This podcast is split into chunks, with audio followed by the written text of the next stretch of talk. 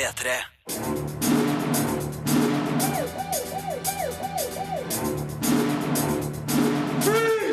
Filmpolitiet!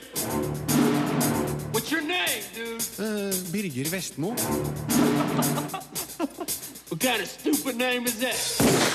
I dag skal tre kinopremierer anmeldes.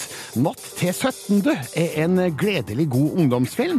Noah er bibelsk fantasy, et steinkast unna Tolkien. Og Glassdukkene er altfor tam og snill krim. Dessuten skal filmpolitiets Game of Thrones-gærning, Marte Hedenstad, gi dommen over de tre første episodene av sesong fire, som har premiere på mandag. Spillskaper Ragnar Tørnquist skal fortelle om det nye prosjektet Draugen, og regissøren av Natt til 17., Eirik Svensson, er gjest. Filmpolitiet anmelder film. Hør det er dere tre som skal fikse det. Ja, ja Det vi planla, det vi planla. Natt til 17. er en gledelig god ungdomsfilm. Historien er kanskje enkel, men er full av gode observasjoner rundt temaer som kjærlighet, vennskap og unge menneskers famlende forsøk på å tilnærme seg sin oppfatning av voksenlivet. Også takka være svært gode skuespillerprestasjoner er regissør Eirik Svenssons Natt til 17. en imponerende skildring av fuktige begivenheter, uten at det blir rein rølp. Unnskyld Hva er navnet ditt? Jeg ringer til politiet. Ring Politiet, og de også ringer politiet. Du selger alkohol til mindreårige, og det vet du godt vitner også. Ja, vitner. Fuck you, legg ølet tilbake. Oslo-guttene Sam, spilt av Samakab Omar, og Amir, spilt av Mohammed Al-Ghul, er nære kompiser. Men eh, Sam har noe på gang med Thea, spilt av Thea Sofie Loch Ness. Det kan bli problematisk fordi Thea nylig dumpa Amir, som har kjærlighetssorg. Nå har hun invitert begge til hjemme alene-fest, samtidig som slemme gutta er etter Sam og Amirs gjeng natt til nasjonaldagen. Hvordan tror du festen blir i kveld, da? Ja, Det er fint å få Thea tilbake. Thea? Gud vet hva som skjer. Guttene i filmen har innvandrerbakgrunn, mens jentene er etnisk norske. Men det er befriende at historien aldri handler om etnisitet, kun om universelle og tidløse problemstillinger ved å være i 15-årsalderen. Det er interessant å se hvordan emosjonelt umodne gutter og jenter takler kjærlighet og vennskap i motgang. De fleste vil nikke gjenkjennende til noen av historiens problemstillinger. Det føles ekte og virkelig.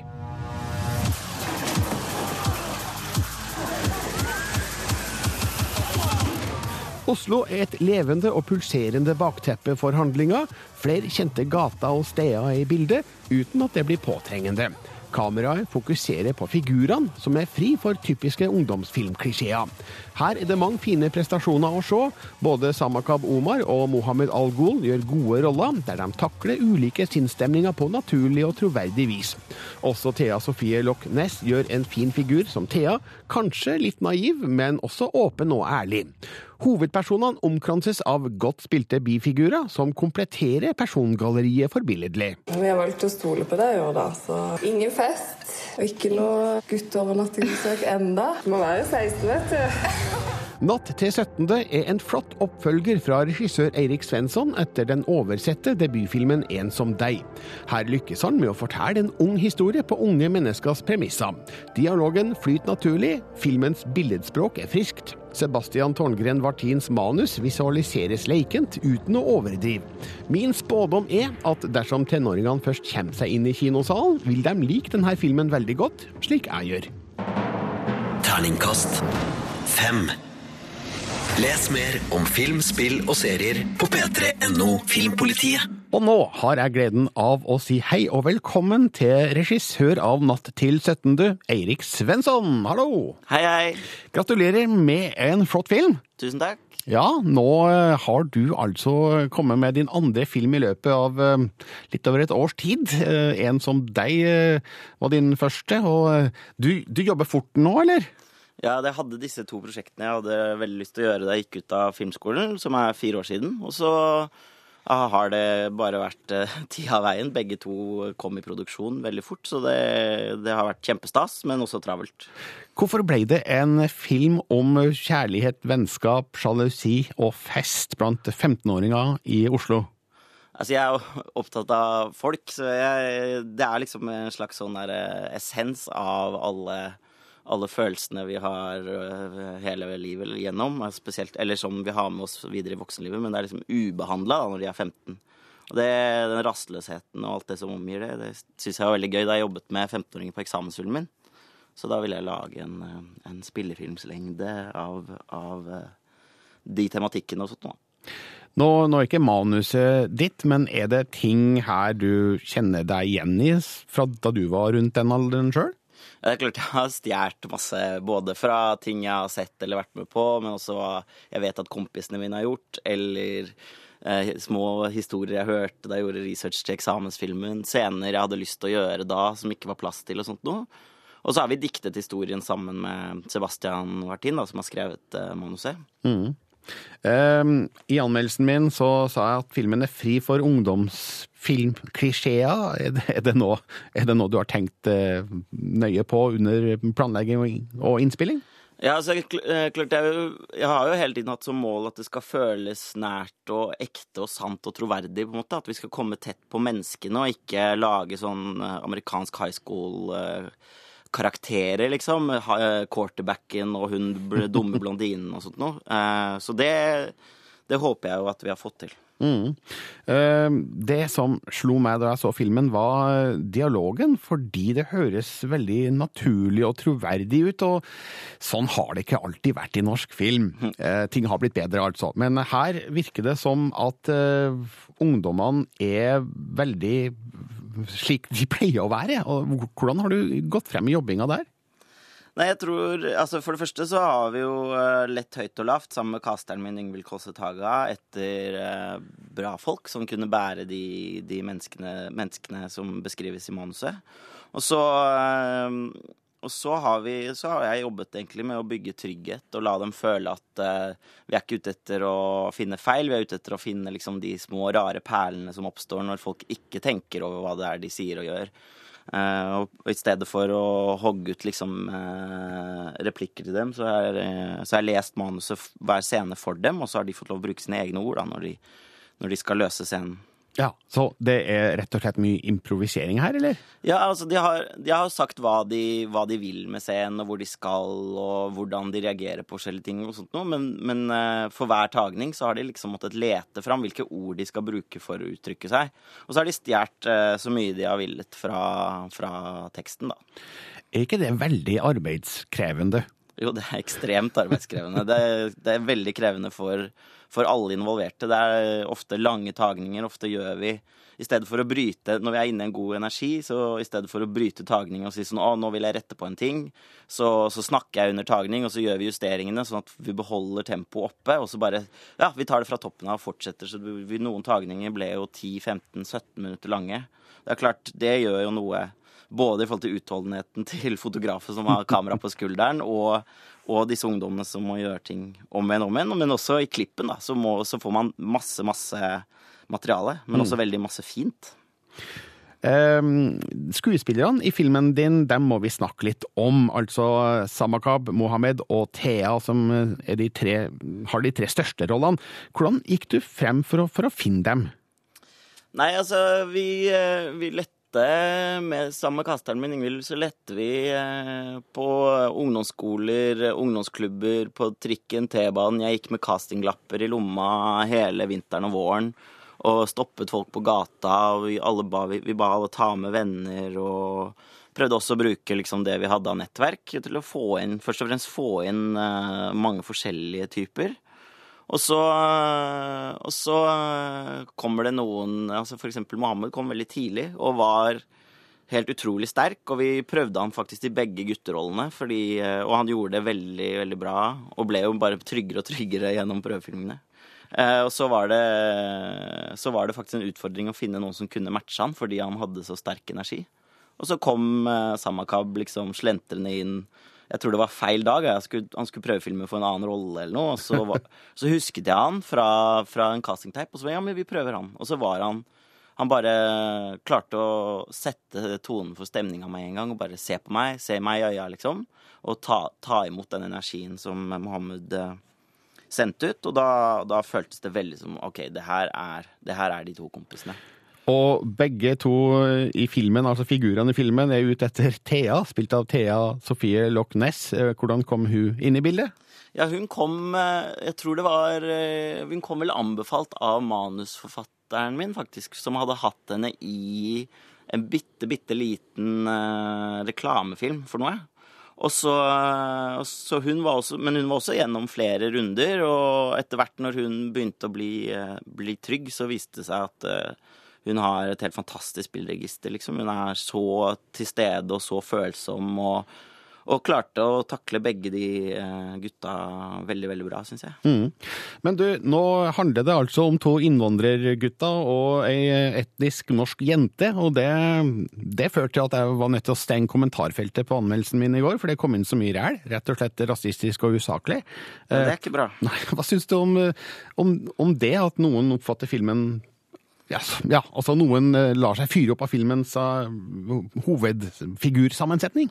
Ja, jeg vet, ja, Det er jo litt pussig når de ikke har sett filmen ennå, fordi den kommer jo ut i dag. Men, eh, og da kan vi gjerne, kan vi gjerne snakke om eh, sammensetningen av de folka. Men det er, det er Jeg syns det er litt overraskende at folk blir sinte av forelska ungdommer på film. Da. Men, men det er vel Det er ikke helt overraskende i forhold til hva som er i masse andre kommentarfelt eh, som handler om folk med innvandrerbakgrunn. Det er mye Det er mye ræl, som du sier, da. At eh, folk eh, bruker alle anledninger de får til å, til å spre sinne og, og Vi får, vi får heller heve oss over det. For, for dette handler om eh, tidløse og universelle problemstillinger blant eh, unge mennesker, vel? Ja, det er, jo, eh, det er jo veldig fint at du opplever det sånn også, fordi det er jo det jeg har, har villet jobbe med, er jo, eh, er jo nettopp det. At eh, ja, hvordan føles det å være 15 og stå midt i de situasjonene og prøve å liksom håndtere de følelsene når du ikke har alle hele referanser, de referanserammene som man bygger seg opp da, som når man blir litt eldre. Nå har Natt til 17. premiere i dag. Du har allerede vært igjennom en festpremiere. Tror du filmen har sjanse til å nå igjennom til den, den hovedmålgruppa den retter seg mot? Altså, De forhåndsvisningene vi har hatt og sånt nå, har visst vært helt uh, jubelballong gærne, kjempestemning. Så det er veldig gøy eh, å høre bare rykter om. Eh, jeg håper jo det. Vet, eh, det er liksom eh, Jeg har laget eh, filmen så jeg også vil at de, de som spiller i filmen selv, skal sette pris på den, altså, og hele den aldersgruppen. Eh, så så jeg, det er ikke bare en, på en måte en eh, smart tanke, og jeg har i hvert fall ikke tenkt å Eller forsøkt å være ovenfra og ned. Jeg har prøvd å invitere dem inn, og, og også lage en film som er gøyal. Takk skal du ha, Erik Svensson. Gratulerer jo, med god film. Tusen Og, og lykke til med premieren. Ja, takk. Filmpolitiet anmelder film. Og det skal dreie seg om eh, Den store skjønnheten, årets Oscar-vinner, som denne uka kom ut på DVD i Norge. Ja, jeg sier DVD, for det ser faktisk ut som at den ikke skal ut på Blu-ray her i Norge. Vil du ha den på det formatet, så må du nesten bestille den fra det store utlandet. Uh, uvisst av hvilken grunn, men i hvert fall. Filmen er absolutt verdt å sjekke ut. Det her er en nær klassiker. Tror kanskje at den vil få et klassikerstempel etter hvert. Men hvorfor det? Her er anmeldelsen min fra da den hadde kinopremiere.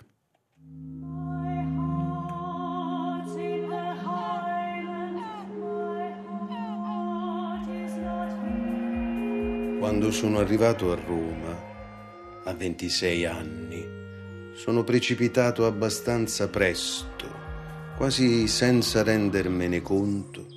Den store skjønnheten kun bare har vært laga i Roma. Regissør Paolo Sorrentino har laga et poetisk fyrverkeri av en film som er vidunderlig fotografert, imponerende spilt og stilsikkert regissert. Noen av livets store spørsmål står i fokus i en spill levende film som kjærtegner sansene med italiensk lynne og romersk kultur. Det her er et stort høydepunkt for kontinentale filmelskere. Giuseppe, c'è questa casa di Ancona. Che non è tanto piccola, che lo vuole veramente un libro intervista su di te. Un altro libro intervista? Mamma mia, ormai siamo un popolo di intervistati. Barn og koneløse Jepp, spilt av Tony Servillo, fyller 65 år og er allerede lei av livet. Han ga ut en bok for mange år siden, men fulgte aldri opp, og har nøyd seg med å bedrive kulturjournalistikk og være fremtredende medlem av Romas sosietetsliv. Nå blir han kontakta av en mann som forteller at hans nylig avdøde kone aldri slutta å elske Jepp, noe som vekker spørsmål i han av åndelig art. Tutto sedimentato sotto il chiacchiericcio e il rumore. Menneskene i denne filmen pludrer og våser seg gjennom et moralsk ørkenlandskap. De beveger seg innenfor gitte rammer, hvor lite av substans kommer til overflata. Men når det gjør det, har det en bitende effekt, som når Jepp avslører venners falskhet, eller når hans egen tomhet tydeliggjøres. Miljøet skildres levende og virilt, men med en nummende overfladiskhet. Derfor blir historien stadig sterkere etter hvert som det avdekkes momenter som forklarer Jepps sinnstilstand. Roma, ma che gli raccontiamo? Io ho scritto un solo romanzo 40 anni fa che non si trova neppure nelle librerie. Ma che cazzo dici che era un capolavoro assoluto all'apparato umano? Tony Servillo spiller fremragende i hovedrollen, og er ytterst troverdig som mann i nesten umerkelig krise. Han virker å være fornøyd med sin plass i livet, men mangler inspirasjon og mot til å ta tak i sine problemer. Det er ikke alt ved Jepp man kan like, men sjøl når han lar sjølbedraget dominere, er det interessant å høre hans grunner. Servillo gir han en sympatisk fremtoning, sjøl om det han sier av og til er direkte ufint. Ma chi se ne frega? Cioè, questa è una grande notizia, eh. Grandissima notizia. Grazie. Han omgis av et rikt persongalleri som påvirker Jepp på ulike måter, som hans kortvokste redaktør, kameraten som vil knulle unge damer, den mystiske naboen i etasjen over og stripperen som kanskje kan bli hans nye kjærlighet. All er påvirka av Romas tiltrekningskraft, som på godt og vondt fanger de her figurene i en evig runddans. Byen feires gjennom Luca Bigazzis utsøkte foto og fantastiske innspillingssteder, men må òg tåle kritikk. En av figurene kunngjør at han flytter til hjembyen fordi Roma har skuffa han. Vi kommer etter hvert til kjernen i den store skjønnheten, som avdekker hvorfor Jepp har kommet dit han er i livet. Historien lar oss forstå at mye kunne vært annerledes, men at Jepp egentlig har resignert og lar hverdagene gli forbi på pur trass. Regissør Sorrentino forteller denne historien med et utsøkt blikk for figurer, skjebner, stemninger, bybilder og arkitektur. Og så har jeg ikke nevnt den opplagte inspirasjonskilden Federico Fellini en eneste gang i denne anmeldelsen, og det er jo en skandale. E poi lo squallore disgraziato e l'uomo miserabile.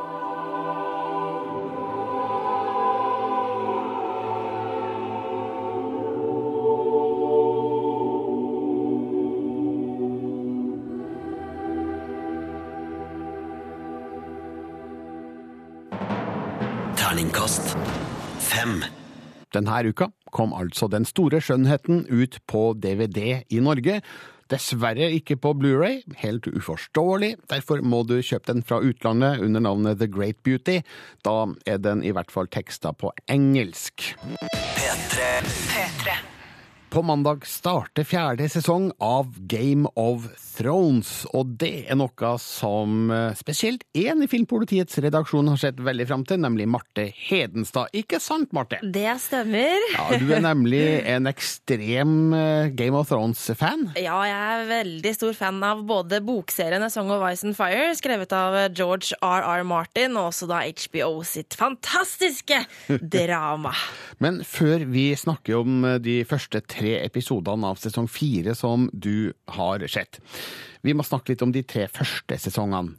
Og da må vi understreke at her kommer det en del ganske tunge spoilers og avsløringer. Ja, hvis folk ikke har sett eh, Game of Thrones enda, så tror jeg kanskje de skal bare droppe å høre på i de neste fem minuttene, kanskje? Ja, vil du ikke ha noen spoilers fra de første tre sesongene av Game of Thrones, slå av nå og slå på igjen om ca. fem minutters tid.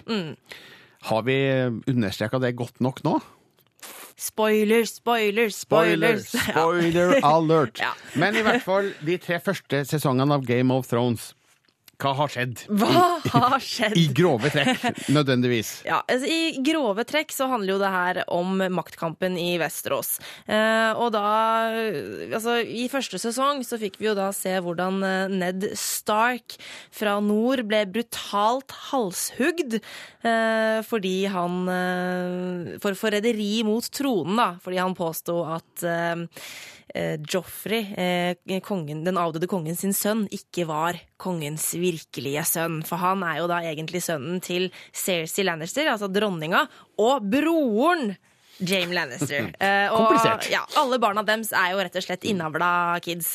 Eh, og da måtte Ned Stark dø, og dette førte jo da til eh, at eh, Stark-familien eh, gjorde opprør da mot Lannister-familien, som da sitter med makta i Kings Landing. Ja. Eh, og, så, ja, så er det jo masse styr og ordnings her, ikke sant. Han, uh, Rob Stark, etter at Ned Stark dør, så utnevner han seg selv til King of the North og går til krig mot Lannister-klanen. Men så har vi også broren til den avdøde kongen, eh, eller to av brødrene til den avdøde kongen, som uh, også vil ha makta, siden Joffrey, den nye kongen, ikke er den ekte sønnen, så vil da både Stannis Brathian og Renly Brathian ha tronen, og de går til krig på hver sin kant der igjen. Så det er, eh, det er mye krig og mye drama. Og Så har vi jo enda en front da, Birger. Ja.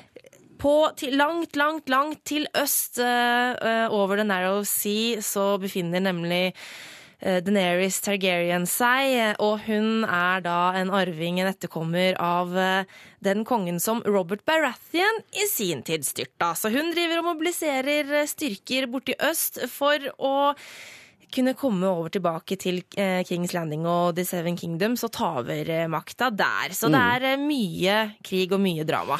Og forrige sesong, eh, altså sesong tre, avslutta jo med en eh, Mm. episode, det vil si det var jo den nest siste episoden da, i sesong tre. Ja. Eh, en episode som kommer til å bli legendarisk, som allerede har blitt det, egentlig. Ja, og det var jo en episode som eh, alle som har lest bøkene, gledet seg veldig til. Eller grua seg. Ja, ja, altså grudde seg, og vi grua oss her, men vi, vi gleda oss òg til å se hvordan de uvitende TV-seerne eh, reagerte på dette.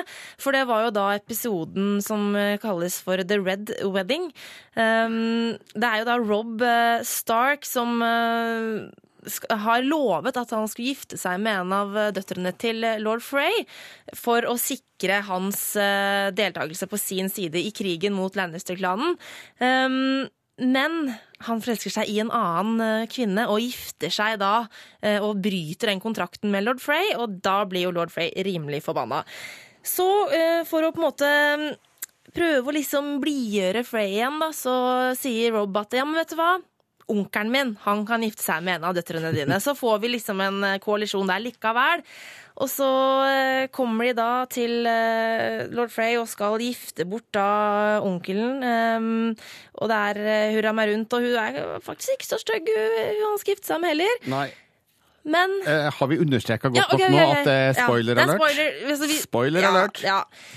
Men eh, fordi da eh, lord Frey har, han har følt seg for smått, han er en skikkelig jævel av en fyr, og han godtok ikke dette, dette sviket fra Rob, så i all hemmelighet så har han eh, rett og slett begynt å samarbeide med Lannister, og eh, dermed så forræder han, der forråder han Rob tilbake, og under dette bryllupet, The Red Wedding, så blir rett og slett alle drept. Yes! Rob Stark blir drept, Caitlyn Stark blir drept, og kona til Rob. Og det er rett og slett en skikkelig blodig affære. På mandag starter sesong fire av Game of Thrones på HBO Nordic og Seymour. Marte Hedenstad har sett de tre første episodene, din heldige gris. La oss høre litt lyd fra det vi har i vente. They know I saved the city. They know I won the war. The war's not won. It's tempting to see your enemies as evil. But there's good and evil on both sides in every war ever fought. They have a choice. They can live in my new world or they can die in their old one. If you want justice, you've come to the wrong place. Som svoren Game of Thrones-fan, Marte, hva syns du om de tre første episodene av sesong fire? Jeg kosa meg veldig med denne, dette oppsparket til eh, resten av sesongen. Um, bare nok en gang så er skuespillerne strålende. De nye skuespillerne som har kommet til, er veldig veldig gode og passer godt eh, i rollefigurene sine. Manus og alt er på plass, mm. og det skjer spennende ting. Ja, Nå spoila vi veldig fra sesong én til tre i stad. Ja. Eh, Det skal vi ikke gjøre nå. Nei da, jeg lover ikke ødelegge den nye sesongen Nei. for verken deg eller lytteren. altså dramatikken mot slutten av sesong tre, altså videreføres den i sesong fire? Det gjør den absolutt. Eh, Nå er jo Stark-familien eh, de, er, de, er, de er litt ødelagt. Det er Litt nede, Det er litt nedbrutt. Eh, Sånn at eh, vi starter jo da opp eh, like etter disse hendelsene i forrige sesong. Sansa er gift da med godeste favorittdvergen vår. Tyrion. Ja, og sliter med det, og sliter med å ha mista familien sin. Um, så er jo da Arja er jo på flukt, og Mm. hun er det veldig interessant å følge med på. Hvordan hun bare blir hardere og hardere, og også hvordan liksom, den, alt det brutale hun har opplevd, gjør henne mer brutal også. Ja.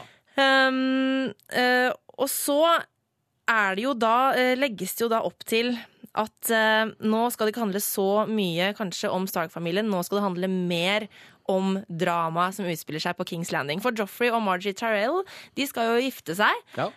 Um, og der kommer det til å skje ting som jeg ikke skal avsløre hva er, men som Mm. kommer til å få store konsekvenser for maktbalansen uh, i The Seven Kingdoms. Hva med det norske innslaget i Game of Thrones? Kristoffer Hivju, han spiller Tormund Giantsbane. Yes. Får han en større rolle nå enn i sesong tre? Ja, jeg har sett litt av han i de tre første episodene. Og fra hva jeg vet av bokserien, så vil jeg tro at det blir å se mye mer til han i denne sesongen enn i forrige sesong. Eh, Det er jo sånn at eh, På slutten av forrige sesong så kom jo John Snow tilbake fra Wildling-eskapadene sine. Tilbake til eh, Night's Watch og skal prøve å overbevise dem om at eh, han var ikke en forræder. Han gikk over for å infiltrere Wildling-hæren, og så prøver han også å overbevise Night's Watch om at Wildling-hæren er mye større og mye mer organisert enn det de har trodd. For de skal jo nå angripe eh, muren oppe i nord. Eh, og der vil vi få se mer av Hivju og resten av Wildling-hæren. Eh, og vi vil også få se at de er ganske så mye mer brutale enn det man kanskje hadde tenkt seg. Spenninga er ikke over. Game of Thrones sesong fire har premiere mandag på HBO Nordic og Seymour.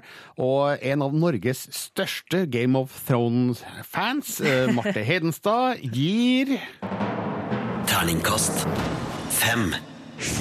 Filmpolitiet anmelder film.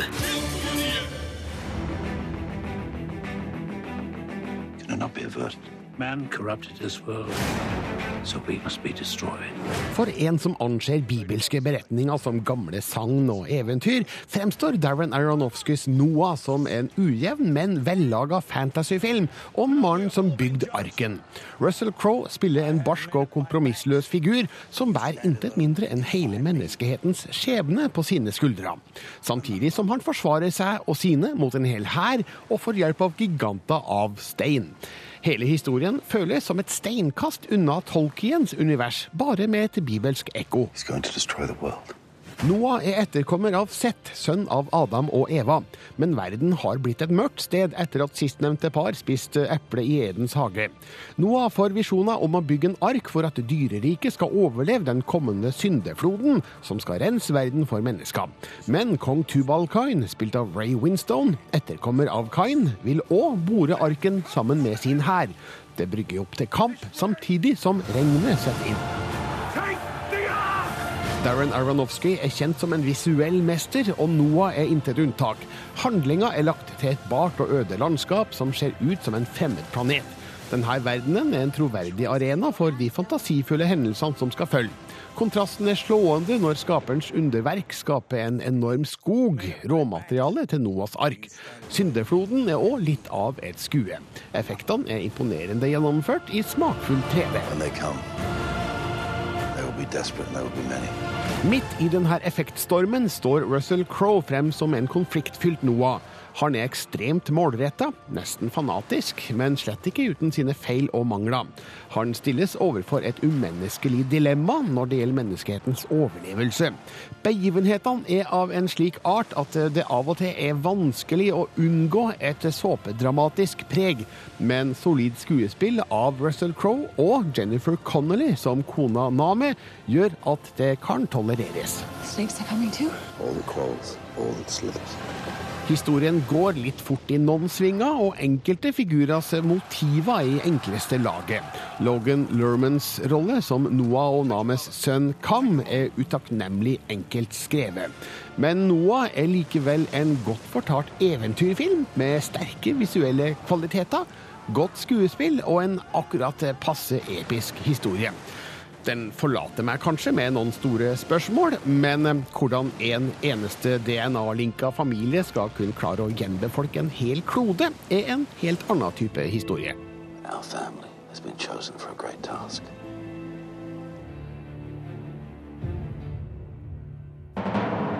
Terningkast fire.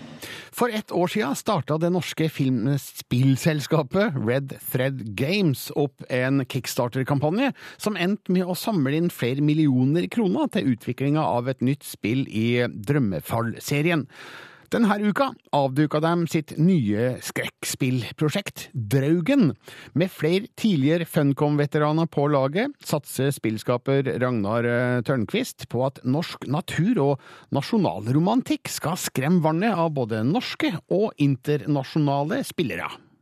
Vi syns det er for lite spill og kultur generelt som på en måte tar i bruk Norge. Og da mener jeg liksom det, det Natur-Norge og, og, det mytologiske Norge. Det, det, tror jeg ikke vi har sett ennå, som på en måte drar inspirasjon fra, fra eventyr og fra norrøn mytologi og fra fjorder og fjell og fra på en måte den, den det mørke og den atmosfæren vi, vi kjenner til, da, som, som den trolske atmosfæren som jeg, som jeg tror er veldig spesiell. The past is an ocean. Fathomless. Menacing, unknowable. Tonight, the ocean comes for me. Denne uka her så hadde dere et nytt uh, prosjekt som dere ville vise fram. Uh, kan du fortelle om Draugen? Ja, Draugen er vel det første spillet som er satt på Vestlandet i Norge. Uh, I hvert fall det første spillet på Vestlandet i 1923. Um, det er et slags uh, psykologisk skrekkspill. Uh, det er en historie om en amerikaner som kommer til Norge i 1923. og Han er en, det som heter entomologist på engelsk. En som, som, som, bryr seg om insekter. Jeg er ikke sikker på hva det heter på norsk. men han i hvert fall kommet til Norge for å, for å lete etter insekter og skrive om det. han kommer til en liten landsby, en liten kyststed uh, nær Ålesund i 1923 og finner at alle som bodde der, har forsvunnet. Og oppgaven til spilleren og til denne hovedpersonen er da å finne ut hva som har skjedd. Og du blir dratt inn i en slags sånn, eh, en sånn mørk bakside av norsk nasjonalromantikk. Så det er ganske tunge saker. Vi ser på dette her som litt sånn Dostojevskij og Hamsun møter uh, Lovecraft og Stephen King. The past is a vast, undulating ocean, ravenously hungry never sated. And sooner or later, we all drown in it.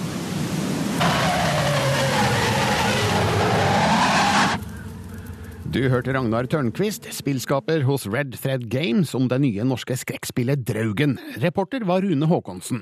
Sjekk ut vår eksklusive spillpodkast Filmpolitiet DLC. I episode sju, som kommer mandag, kan du høre hele intervjuet med Tørnquist, og høre mer om norsk spillbransje, og ikke minst Drømmefall-kapitler. Filmpolitiet anmelder film.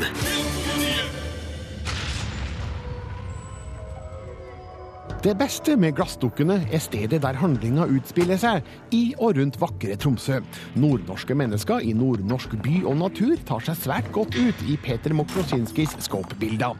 I sentrum står en god Stig Henrik Hoff som en litt rufsa og macho politimann med villmarkstendenser. Dessverre er han plassert i en altfor tam og snill historie. Det blir aldri noen temperatur på spenninga, sjøl om regissør Nils Gaup får grei flyt på handlinga. Glassdukkene blir for anonym til å kunne hevde seg i den mettede krimsjangeren. Stopp bilen, for faen! Jeg skal av her! Det her er første film i en trilogi basert på Jorunn Tørrings bøker om den samiske kriminaletterforskeren Aslak Eira. Han må etterforske en forsvinning sammen med sin nye partner, Kine Berger, spilt av Lena Kristin Ellingsen. Det viser seg at den forsvunne kvinnen, Lisa Beck, spilt av Nina Yndis, bedrev en lyssky virksomhet med to studievenninner, som kan ha tiltrukket seg en farlig persons oppmerksomhet. Hallo, Aslak Eira. Så fint å endelig få tak i deg. Kine Berger her, din nye partner. Filmen starter med den største klisjeen av dem alle, nemlig den ensomme etterforskeren som får en ny partner. Når de hilser, er Eira likegyldig og uinteressert. Etter en kort dusj har han likevel både lagra telefonnummeret hennes og tiltaler hun ved fornavn som til en gammel venn. Slike urytmiske tilfeller finnes det flere av i filmen, som annet har for mange scener der folk hilser på hverandre, sier hva de heter og hva de gjør. Men Stein Leikangers manus er òg fri for overforklaringer og uttværinger. Virkelighetens etterforskere vil kanskje reagere på at ethvert avhør kan gjennomføres på ett minutt, men det sørger i hvert fall for at historien ikke blir stillestående. Vi er helt avhengig av du som kjenner jentene, samarbeider med oss. Stig Henrik Hoff står frem som forfriskende heltemateriale. Aslak Eira-figuren spiller kanskje på noen enkle stereotypier, men Hoff har et godt grep rundt rollen. Han viser handlekraft på jobben, men tiltaksmangel på privatfronten. Lena Kristin Ellingsen får ikke store utfordringer å spille på, i en rolle som er en lystig desimeter unna den hun gjorde i Mammon. Det oppstår heller aldri noen nevneverdig kjemi mellom Aslak og Kine, som har et helt hverdagslig og kjedelig kollegialt forhold. De beste jobber kun med de beste, vet du. Handlinga introduserer oss for flere figurer som kanskje eller kanskje ikke har noe med forsvinningen å gjøre. Mange kjenner vi igjen fra andre krimserier, som den feige politimesteren, den litt ekle patologen og den sleipe journalisten. Originalt er det kanskje ikke, men det fungerer greit etter oppskrifta. De spilles av både nasjonale og lokale skuespillere av varierende kvalitet. I dette selskapet virker det nesten forstyrrende når Trond Fausa Aurevåg plutselig dukker opp i en 20 sekunders rolle som ikke-snakkende advokat. Da kom dere på post med en jævla gang! Jeg har ikke lest bøkene, men Aslak Eira på film føles som et nordnorsk speilbilde av Varg Veum. Filmen er flott fotografert, dyktig klippa og drevent regissert. Men historien burde ha vært tøffere, hardere og barsker. Dramatikken burde vært langt skarpere, slik at publikum får følelsen av at noe faktisk står på spill. Det hadde passa Stig Henrik Hoffs opptreden bedre. Glassdukkene er ikke uten underholdningsverdi, men forbedringspotensialet er klart når oppfølgeren skal skrus sammen.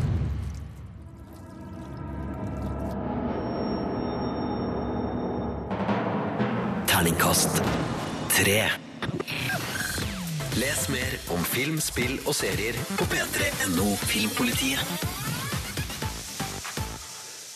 Jeg skal bare minne om Amandusfestivalens publikumspris. Den avstemninga foregår nemlig på våre nettsider p3.no filmpolitiet, og din stemme er avgjørende her. Her kan du altså se kortfilmer laga av unge mennesker som skal delta på Amandusfestivalen på Lillehammer, som går fra 8. til 10. april. Det er jo ikke veldig lenge til. Vi snakker altså om Norges største festival for unge filmskapere, der de møtes, utveksler erfaringer, får tips, råd og vink fra erfarne bransjefolk på ulike seminarer og foredrag. Og hele festivalen avsluttes da med, et, med en prisutdeling, der en av prisene er Amandusfestivalens publikumspris. Så gå på p3.no skråstrek filmpolitiet. Se de nominerte kandidatene der, og så stemmer du på den eller de du liker best. Og så kan det hende at akkurat din stemme blir avgjørende for hvem som går av med seieren. Gjentar nettstedet én siste gang. p3.no skråstrek filmpolitiet. Filmpolitiet anmelder film. Ja, for denne uka kom Your Next ut på Blu-ray og DVD. En film som gikk på kino i fjor høst. Eh, Faktisk så hadde den premiere til halloween, eh, passende nok, for det her er en eh, film som tar sikte på å skremme vettet av deg. Hvor godt lykkes den med det? Her får du min anmeldelse fra kinopremieren.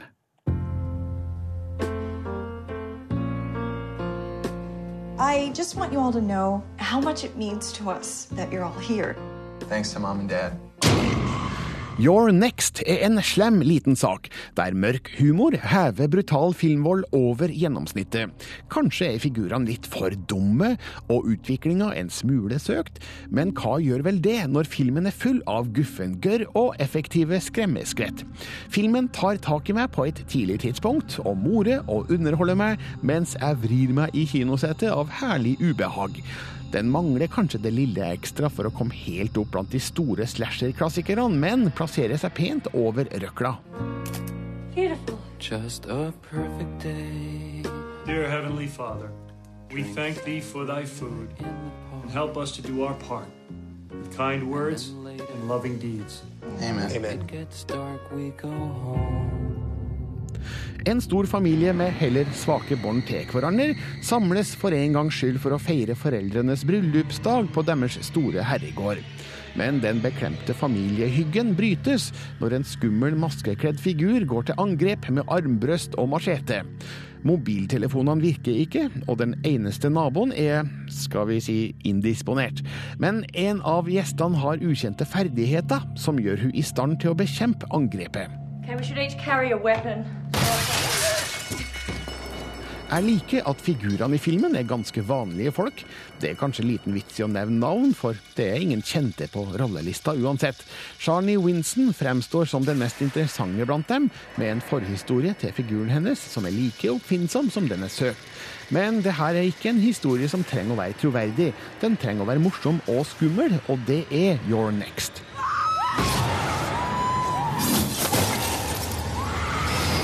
Jo da, det fins figurer som man kanskje ikke tror helt på. Det er annet dumt å stå gjentatte ganger foran vinduet når man har sett flere bli truffet av piler skutt utenfra, eller gå alene rundt i huset der det åpenbart befinner seg en morder. Men sånn må det kanskje være om filmen skal oppnå en viss lengde. Jeg registrerer det, men bryr meg ikke så mye om det. Det skal liksom være slik i en slasherfilm.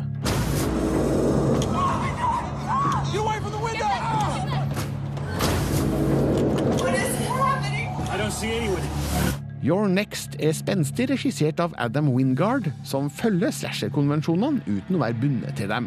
Det spilles f.eks. lite på sex her, og når det gjør det ved to anledninger, er det med et humoristisk tilsnitt. Voldsscenene, en viktig del av enhver slasherfilm, er direkte og utilslørte, uten å bli direkte spekulative. Your Next frarådes ungdom under 15 år av Medietilsynet, noe de gjør helt rett i. Men all over 15 kan godte seg over en frisk og vellaga skrekkfilm som holder stemninga opp, eventuelt ned, til aller siste billedrute. Why would anybody do this? They've been watching us for days.